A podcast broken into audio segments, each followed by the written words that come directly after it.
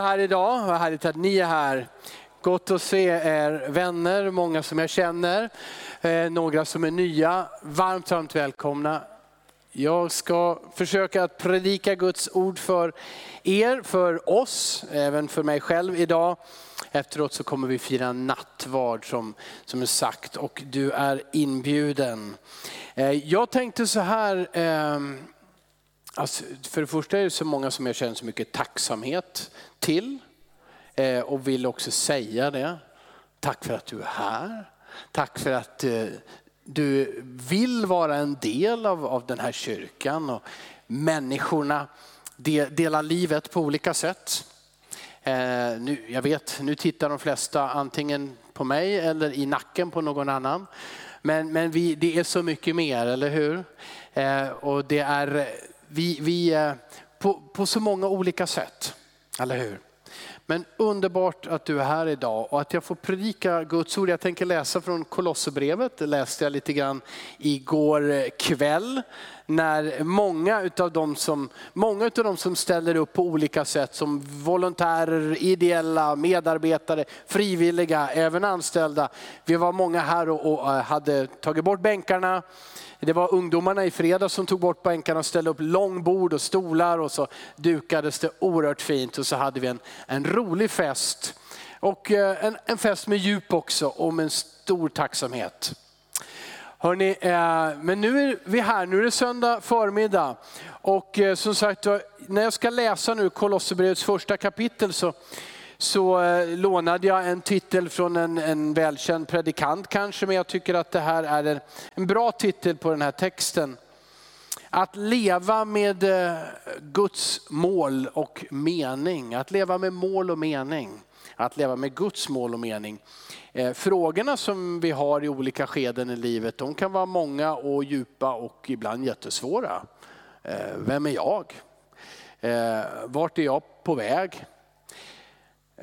Kärleken, är den verkligen äkta och, och, kan man lita på den? Är det någon som ser mig? Eh, orkar jag igenom det som verkar vara nästa kapitel i mitt liv? Eh, vad, och vad blir kvar när jag inte är här en dag? Ni vet sådana här och, och många liknande frågor. Eh, I vissa faser av livet så tänker man inte alls på det där. Det någon, var nog någon som undrade, den där frågan har jag aldrig ställt. Eh, och så finns det andra som vet att de där frågorna de dyker upp förr eller senare i livet på olika sätt. Men jag vill bara säga att, att Gud har så tydligt och så bra mål med ditt och mitt liv. Och det, det är ett mål som, som ger mening till även till den vardagen, till det lilla, till det annars kanske obetydliga. Då är det så här att Paulus han eh, aposteln han tyckte om att skriva brev. Det finns 13 stycken brev från aposteln Paulus. Det här är, bara tänk på det. Det är inte ett brev, det är 13 brev från den här mannen som, som reste runt medelhavet och, och berättade för människor om Jesus. En man som de aldrig hade hört talas om. Ja? En, en kille som kom från en liten by som heter Nasaret i en liten del av romarriket som var obetydlig.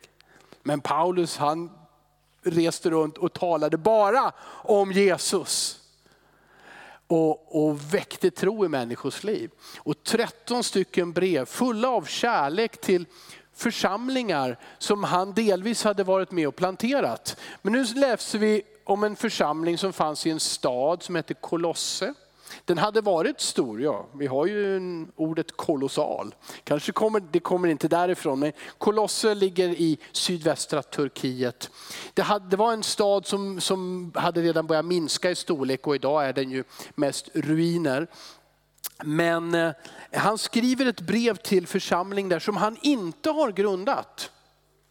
Men det, det finns samma kärlek och omsorg och, och längtan att, att styrka dem, ge dem tro eh, som, som, till dem som han känner väl. Och säkerligen kände han en del. Efesos låg inte så långt bort och i den staden var Paulus under tre år och predikade och mötte människor och bad för dem. Och många hade kommit dit. Och det fanns en man, han hette Epafras, blir omnämnd i det här brevet och i Bibeln. Han kom troligtvis från Kolosse. Kan gissa att han hade hört evangeliet predikas av Paulus i Efesos, återvände till sin hemstad och grundade en församling. Eh, ja, vem var han? Varför fick han göra det? Du förstår att när Jesus kommer in i ditt liv, då är allt möjligt. Och det är, det, det är slut med att säga, det där kan inte jag. Jag vet inte hur det där går till. Det där måste någon annan göra. När Jesus kommer in i ditt liv så får du ett mandat, en kallelse att tjäna honom. Och det är inte andra människor som definierar det och begränsar det. Utan det är Gud som talar in i ditt liv. Och även om det är litet eller stort, ibland tycker vi att det är för litet det man ska göra, ibland tycker vi att det är för stort, det är för svårt.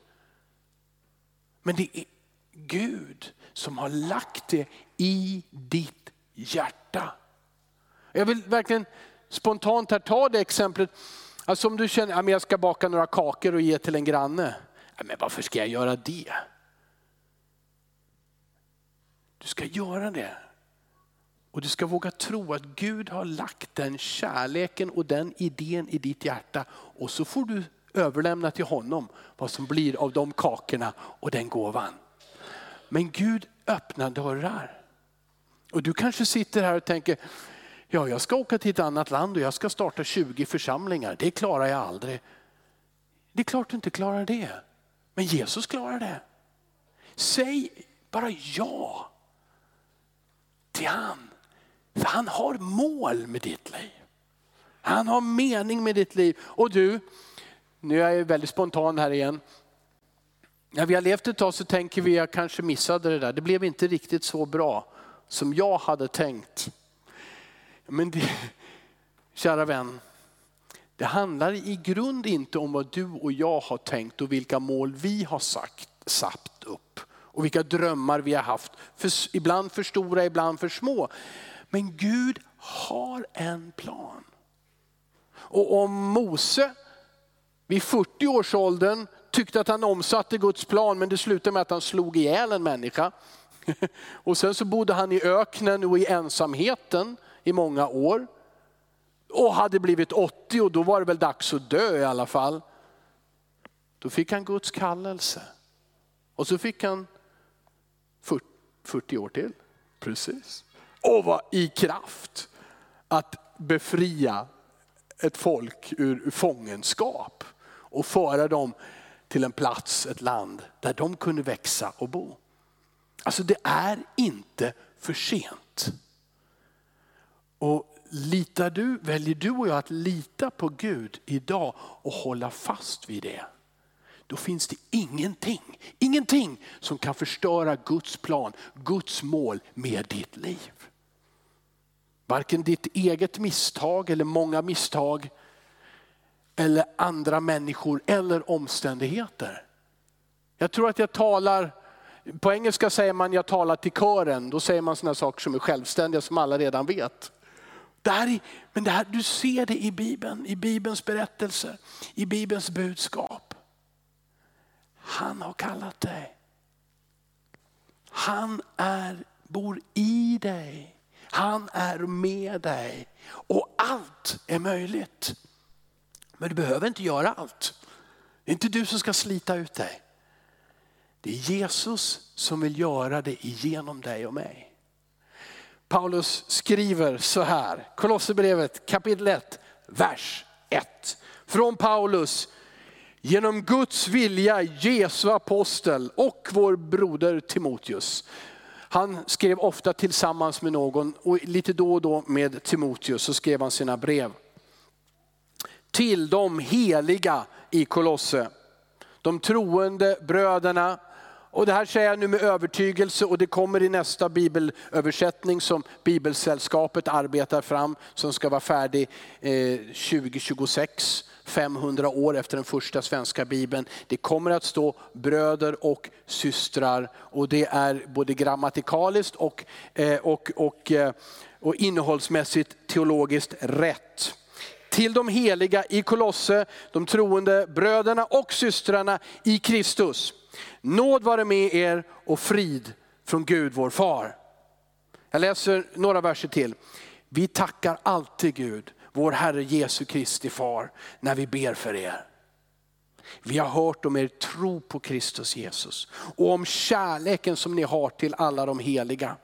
På grund av hoppet som väntar er i himlen. Detta hopp har ni redan hört om i sanningens ord, evangeliet, som har nått fram till er, liksom det överallt i världen växer och bär frukt, så även hos er. Från den dag ni fick höra det och lärde känna Guds nåd som den verkligen är. Låt mig be innan jag säger någonting mer. Fader, jag är övertygad om, jag i tro, att du vill göra stora saker i våra liv idag Herre. Jag tackar dig och jag talar ut det här Jesus. Du vill hela sjuka. Du vill göra, ta, göra ett slut på långvarig smärta Herre. Du vill trösta och ge kraft till den in, vår inre människa. Du vill förnya oss i hopp Herre, i tro. Herre du vill frälsa den som varit förlorad. Du vill förlåta idag, du förlåter idag. Du, du renar idag Herre. Och gör oss till dina barn. Jag tackar dig Gud för att ingenting är för stort eller för litet för dig Herre. Du ser varenda en Herre Jesus Kristus. Jag tackar dig för att du är här. Och du använder vem du vill, den erfarne och den oerfarne. Men den som vill tro och lita på dig idag. Jag tackar dig Herre för att ditt rike finns här på jorden och det bryter fram. Och genom din nåd så ge, förnyar du våra liv och ger oss evigt liv. Jag tackar dig i Jesu namn. Amen. Amen. Okej, okay. jag ska se till att inte vara lång. Eh, det står att eh, han skrev brev till de heliga. Vilka är de tänkte du? Eh, är det, tittar, tittar till höger och vänster fundera, är det han som är helig? Är det hon? Vem, vem var det som fick det där brevet? Var det helgonen? Ja, men det, det, det står ju till de troende, bröderna och systrarna, männen och kvinnorna i Kolosser. De som hade hört evangeliet om nåd, om förlåtelse och tagit emot det, satt sin tro på Jesus Kristus. Han säger, ni är de heliga. Det här, det här är ju speciellt alltså. Det här skedde genom Jesus. Det står i andra sådana här, eh, ja, till exempel hälsningar, inledningar på Paulus brev. Att det är genom Jesus Kristus som man blir helig. Genom tron på honom så blir man helig. Och det gäller alla troende. Det gäller den, som du, den där som du såg i spegeln i morse. Helig. Det här, så här hälsar Paulus till alla när han skriver alla sina 13 brev. Till de heliga i Efesos, till de heliga i Korint, till de heliga och kallade. Genom Jesus Kristus är du helig. Vad är helig då? Ja, det är ju, Gud själv är helig. Det är liksom definitionen, han är inte vilken snubbe som helst. Han är helig. Vad är det som är heligt? Ja men det är hans, hans godhet, hans renhet. Det är hans helighet, hans, hans härlighet, hans evighet, vem han är. Allt som har med Gud att göra, hans kärlek. Det är hans helighet, det är Gud själv. Men det betyder också i Bibeln när det kommer i vårt sammanhang, att det är någonting som är avskilt, avskilt eh, utvalt, avskilt för ett speciellt ändamål eller syfte. Det här, det här, ska bara, det här, är, det här är fint. Det här ska bara användas till det här. Och I gamla testamentet så är det olika saker som, som fanns i templet till exempel. Men i nya testamentets undervisning så är det, gäller det dig. Du är helig. Gud har bestämt dig för ett speciellt syfte. Ja? Han har liksom satt dig åt sidan och sagt du tillhör mig. Det här är häftigt. Vi blir heliga för att den helige berör oss. Det, alltså vi kan ju, helighet kan ju tänkas som en eld, en, en stark eld. Vi, ingen av oss vill vara nära en, en, en, en starkt brinnande eld. För det kan ju i slutändan föra till att vi också brinner. Det här är mötet med Gud. Gud är helig. Och när han rör dig, eller som, som Paulus undervisar, när han flyttar in i dig, då den helige guden gör dig helig. I gamla testamentet ser vi också någonting annat eh, som sägs och som också är sant. Han säger, Bibeln säger till exempel, ingen kan se Gud och leva. Alltså det, det, jämförelse med solen och elden är, är, är perfekt. Titta aldrig in i solen. Då slutar det med att du blir blind. Tack gode Gud för att den är på lagom avstånd, den där solen. För att annars skulle vi brinna upp eller frysa ihjäl.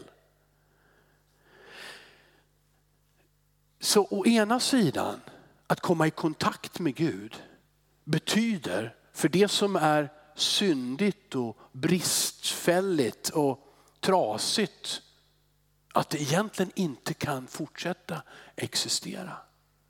Och det ger också en, en fruktan inför Gud hur oerhört stor han är. Och hans helighet. Men det andra är, för du lever fortfarande, eller hur?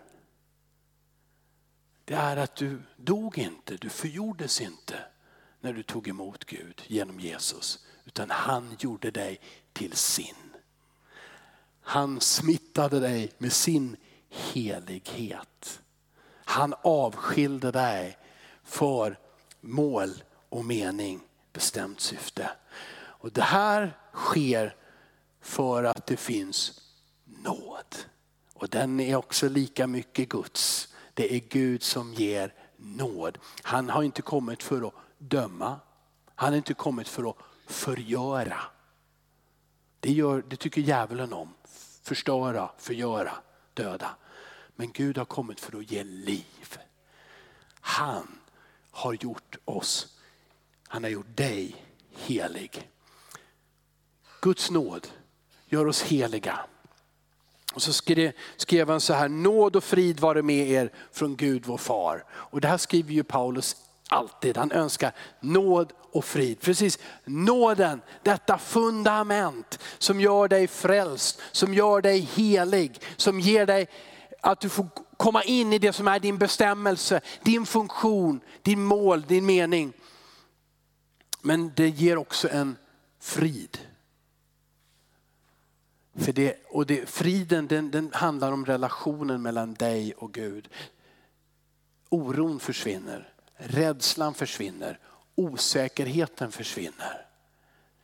Synden som hindrar försvinner och det finns frid och fred mellan dig och Gud. Det är han som vill ha relation med dig och mig. Det här är en Guds gåva. Det här är faktum som jag pratar om. Genom tro. Tror du på Jesus? Det är en enkel fråga. Kan besvaras med ja, kan besvaras med nej. Men många i det här rummet skulle säga, ja jag tror på Jesus. Tror du också att du är helig? För det hänger samman. Ja, inte jag. Jo, du. Ja, men bara ibland. Nej, inför Gud. Helig, förlåten, ren, helig, tillhör honom hela tiden. Han ändrar sig aldrig. Det, det, finns ingen som, det finns inget växel. Den här osäkerheten som finns i dig och mig så lätt, den finns inte i Gud. Du är hans genom Jesus Kristus. Genom din tro genom att du har tagit emot Guds nåd, genom att tro på Jesus, är du hans och helig. Och han kan och vill göra vad han vill göra genom dig och mig. Det här är så starkt. Nästa punkt. Woho! Okay. Eh, Paulus skriver, vi tackar alltid Gud. Så här inleder han 12 av sina brev. Till vilken församling han än skriver, utav de här 13 breven så, så inleder han, all, efter han tagit liksom, det här är ett brev från Paulus och, och Silas, eller Paulus och Timoteus och ni är heliga. Och så, så, så kommer vi tackar alltid Gud för er. Vilken härlig uppmuntrare.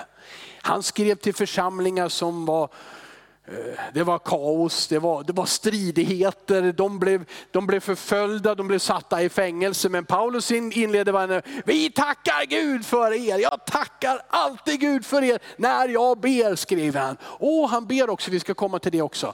Men han tackar tackar för församlingen. Och det är inte svårt att tacka för Pingstkyrkan i Eskilstuna och er alla som är här och som är med via nätet och som kommer på andra söndagar och vid andra tillfällen. Det är underbart och lätt att tacka för Pingstkyrkan i Eskilstuna.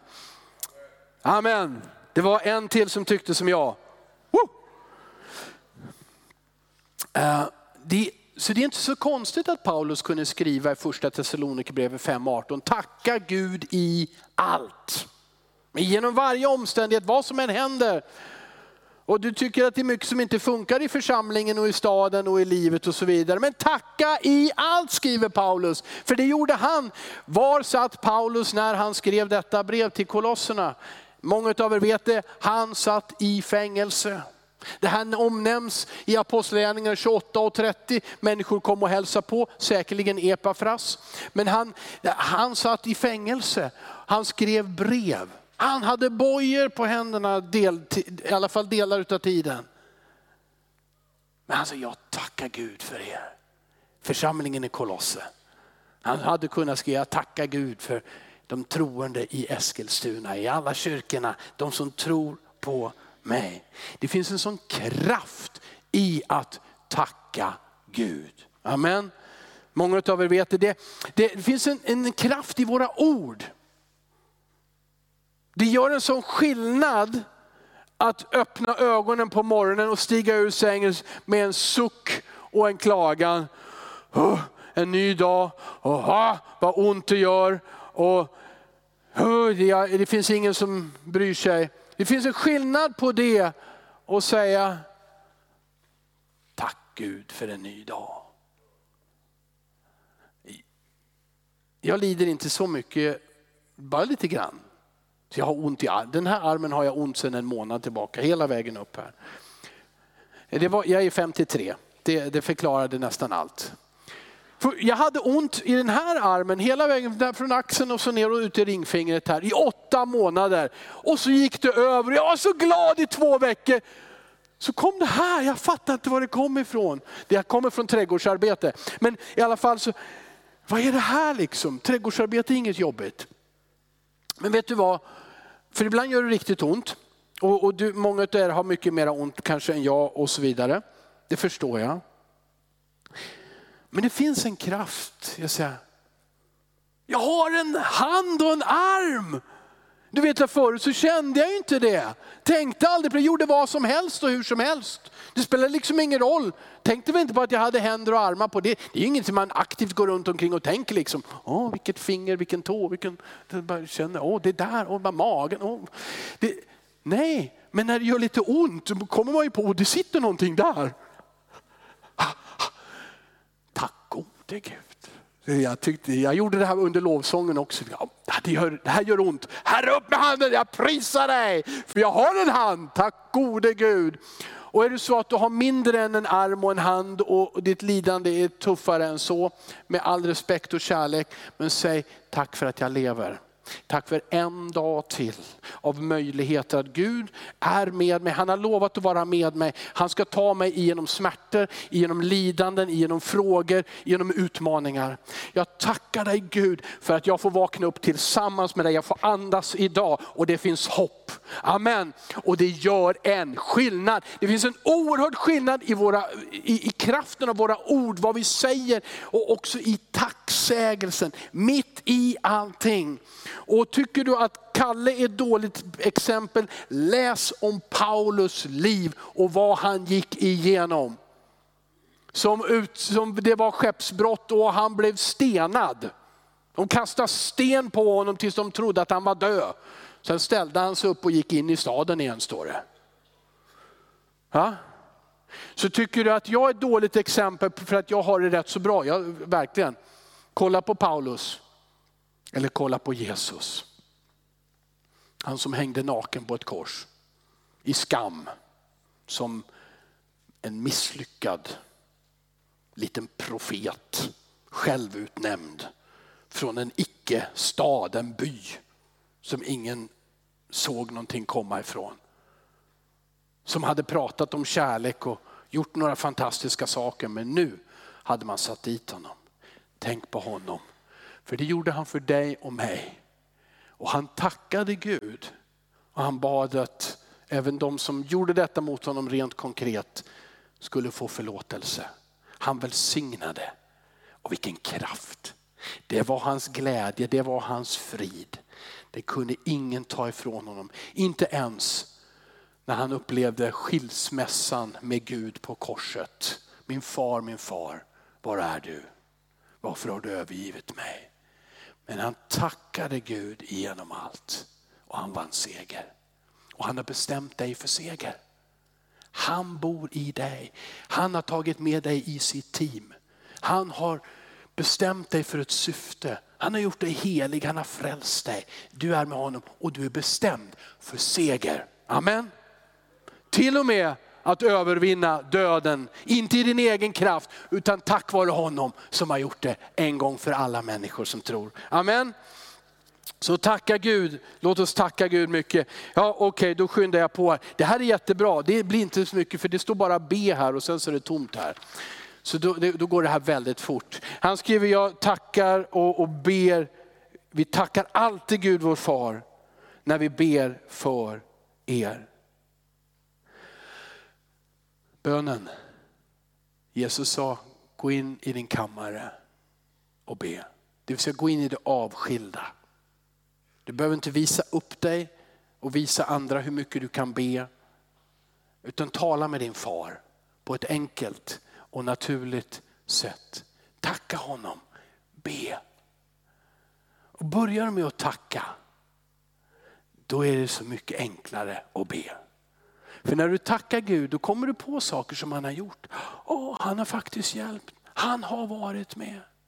Tacksägelse, tacksamhet utlöser en kraft också att be.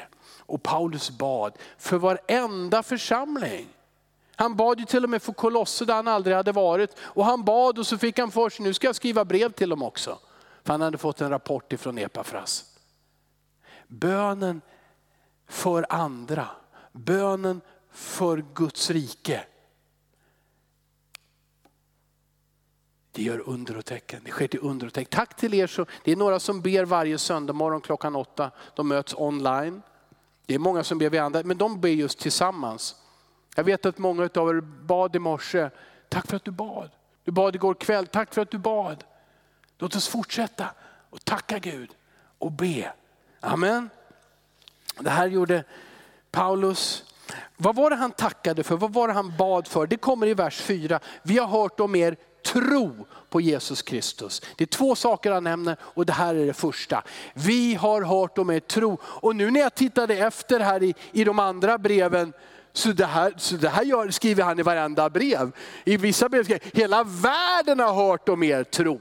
Och det, det sprids. Och det här är det som han, Paulus kommer även i Kolosserbrevet att gå in på riktiga utmaningar. För Epafras berättade att en del i församlingen de har, de har tagit till sig konstigheter ifrån sin kultur, ifrån sin tidigare religion och de förstör evangeliet. Det är fara och färde här liksom i församlingen i Kolosse.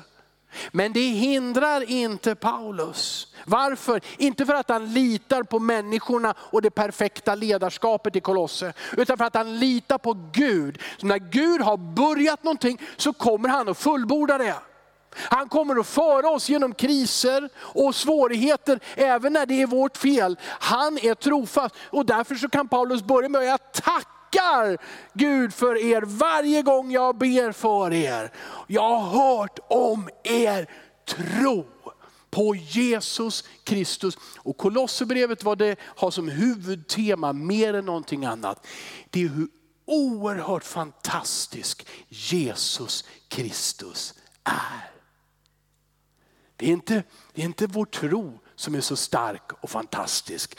Men det är vår tro på honom som är obegränsat stark och fantastisk. Och det är honom som han hyllar i det här brevet. Och det tar vi inte tid att läsa, det får du läsa hemma. Det är bara fyra kapitel långt. Men det kommer redan i kapitel 1. Det är lovsång på lovsång i det som Paulus skriver. Om vad då? Jo, om Jesus Kristus.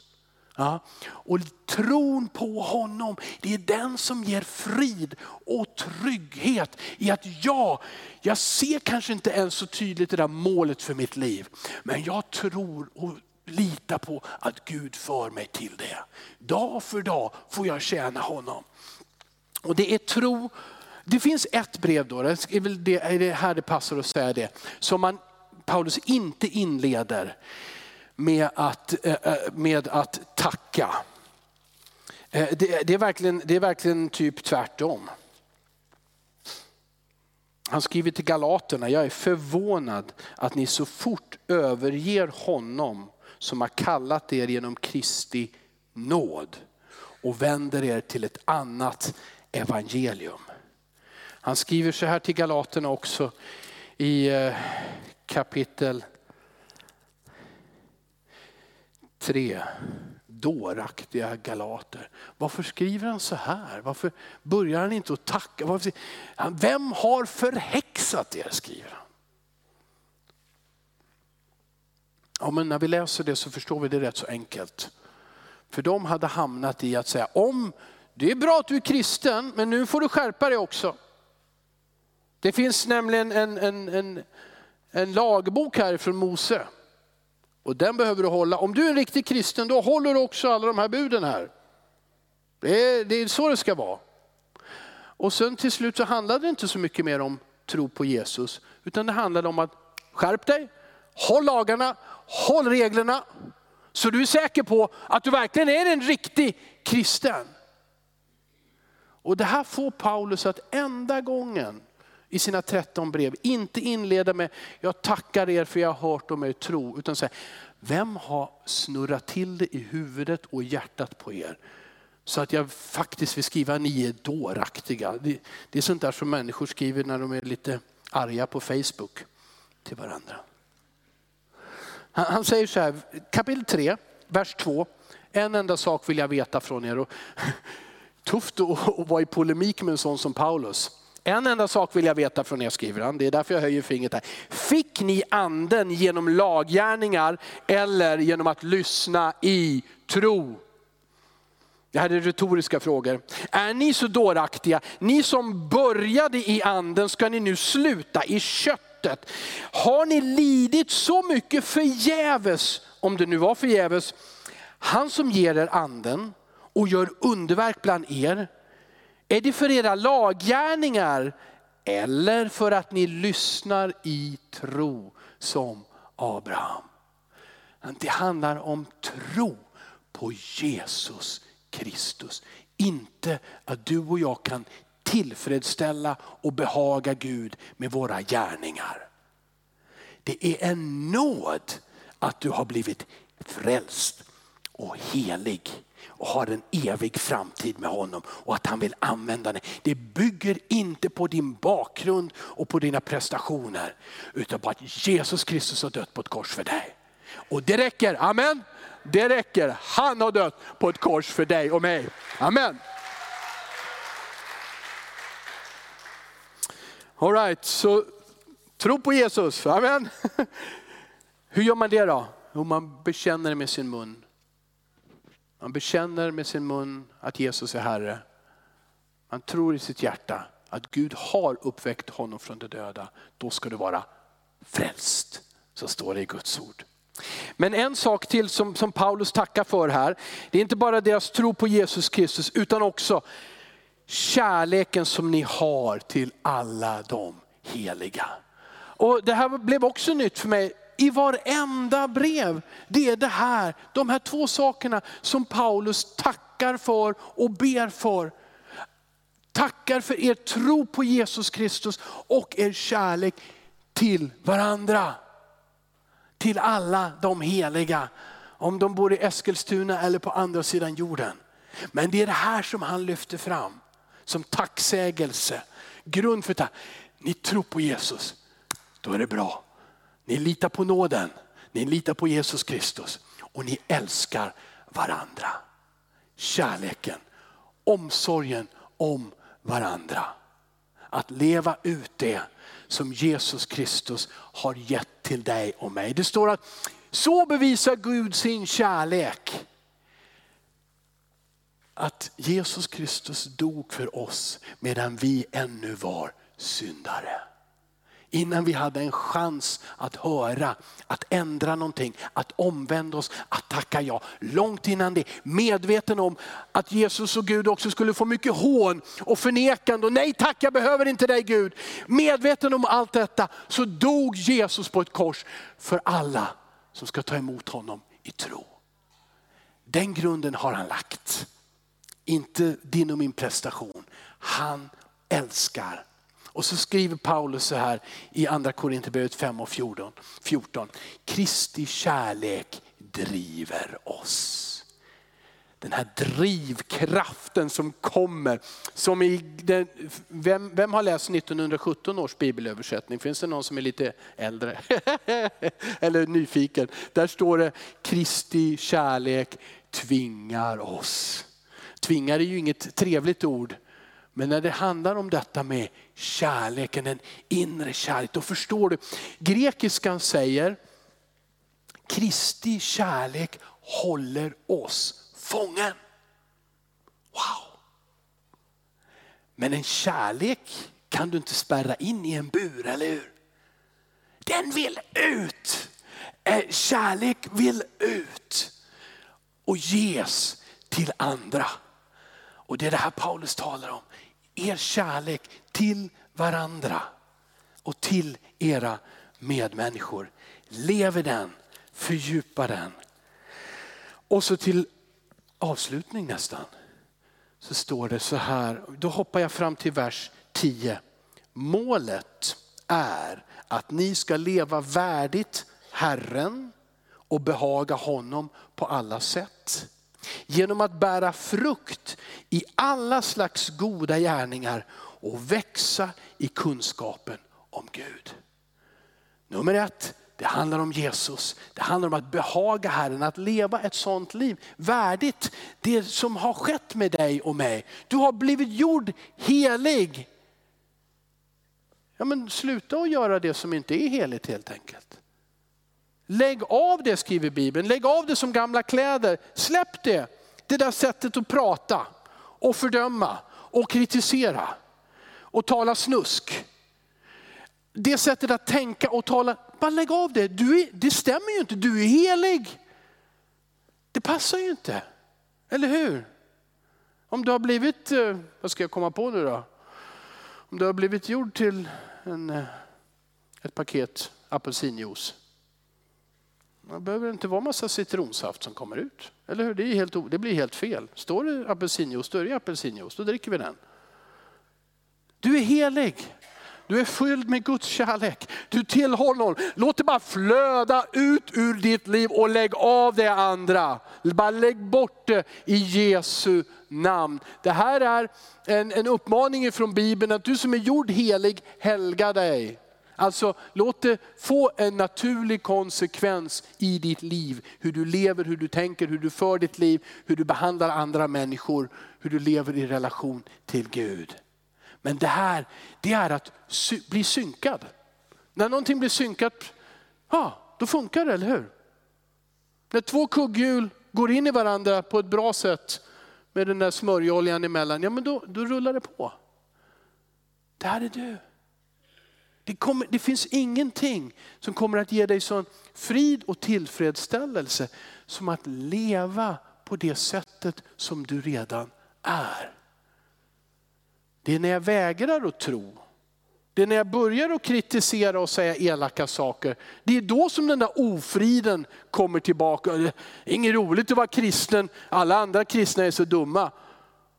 Va? Det är inget roligt att läsa Bibeln, den, säger ingenting. Det är inget roligt. Nej, precis. Det kommer när vi släpper in gruset i maskineriet. Ja, men när vi inte lever ut det som är vi. Utan tvärtom, som, Gud, som Paulus skriver. Gud har ett mål och det är goda gärningar genom dig. Det är därför han lägger kärleken som en drivkraft i dig. Inte goda gärningar för att förtjäna, utan goda gärningar som en konsekvens. Som kommer ut ur ditt liv och som välsignar andra här i kyrkan. Som välsignar den här staden, som välsignar den här världen. Jag hade aldrig sagt åt er i början, eh, strax innan pandemin, ja hörni, nu måste, ni, måste, ni måste börja dela ut fler matkassar. Det, det finns inga, men det här måste ni göra. Nej, det var ni som kom en efter en och sa, vi måste få göra, vi måste hjälpa människor. Vi måste hitta ett sätt att förvalta allt det här bröd, allt det här livsmedel som slängs bort. Och så idag få se hur dussintals familjer, ja egentligen mer än det, får mat genom församlingen. Att sitta, att komma till språkcaféet och se er sitta och språka med människor som så gärna vill förstå och fatta hur kan man funka i det här samhället överhuvudtaget. Och, och ni sitter där och pratar med dem och inte bara lär dem språk utan bara ger dem medmänsklighet. Och så många andra saker. Jag tackar Gud för pingstkyrkan i Eskilstuna. Vi ber för varandra. Låt oss vara fyllda av tacksamhet. Låt våra liv präglas av bön, av tro på Jesus Kristus. Det är han och på Guds nåd. Och så får goda gärningar hitta sitt utlopp på olika sätt och välsigna och ge hopp till den här världen. Amen. Christian och Gabriel.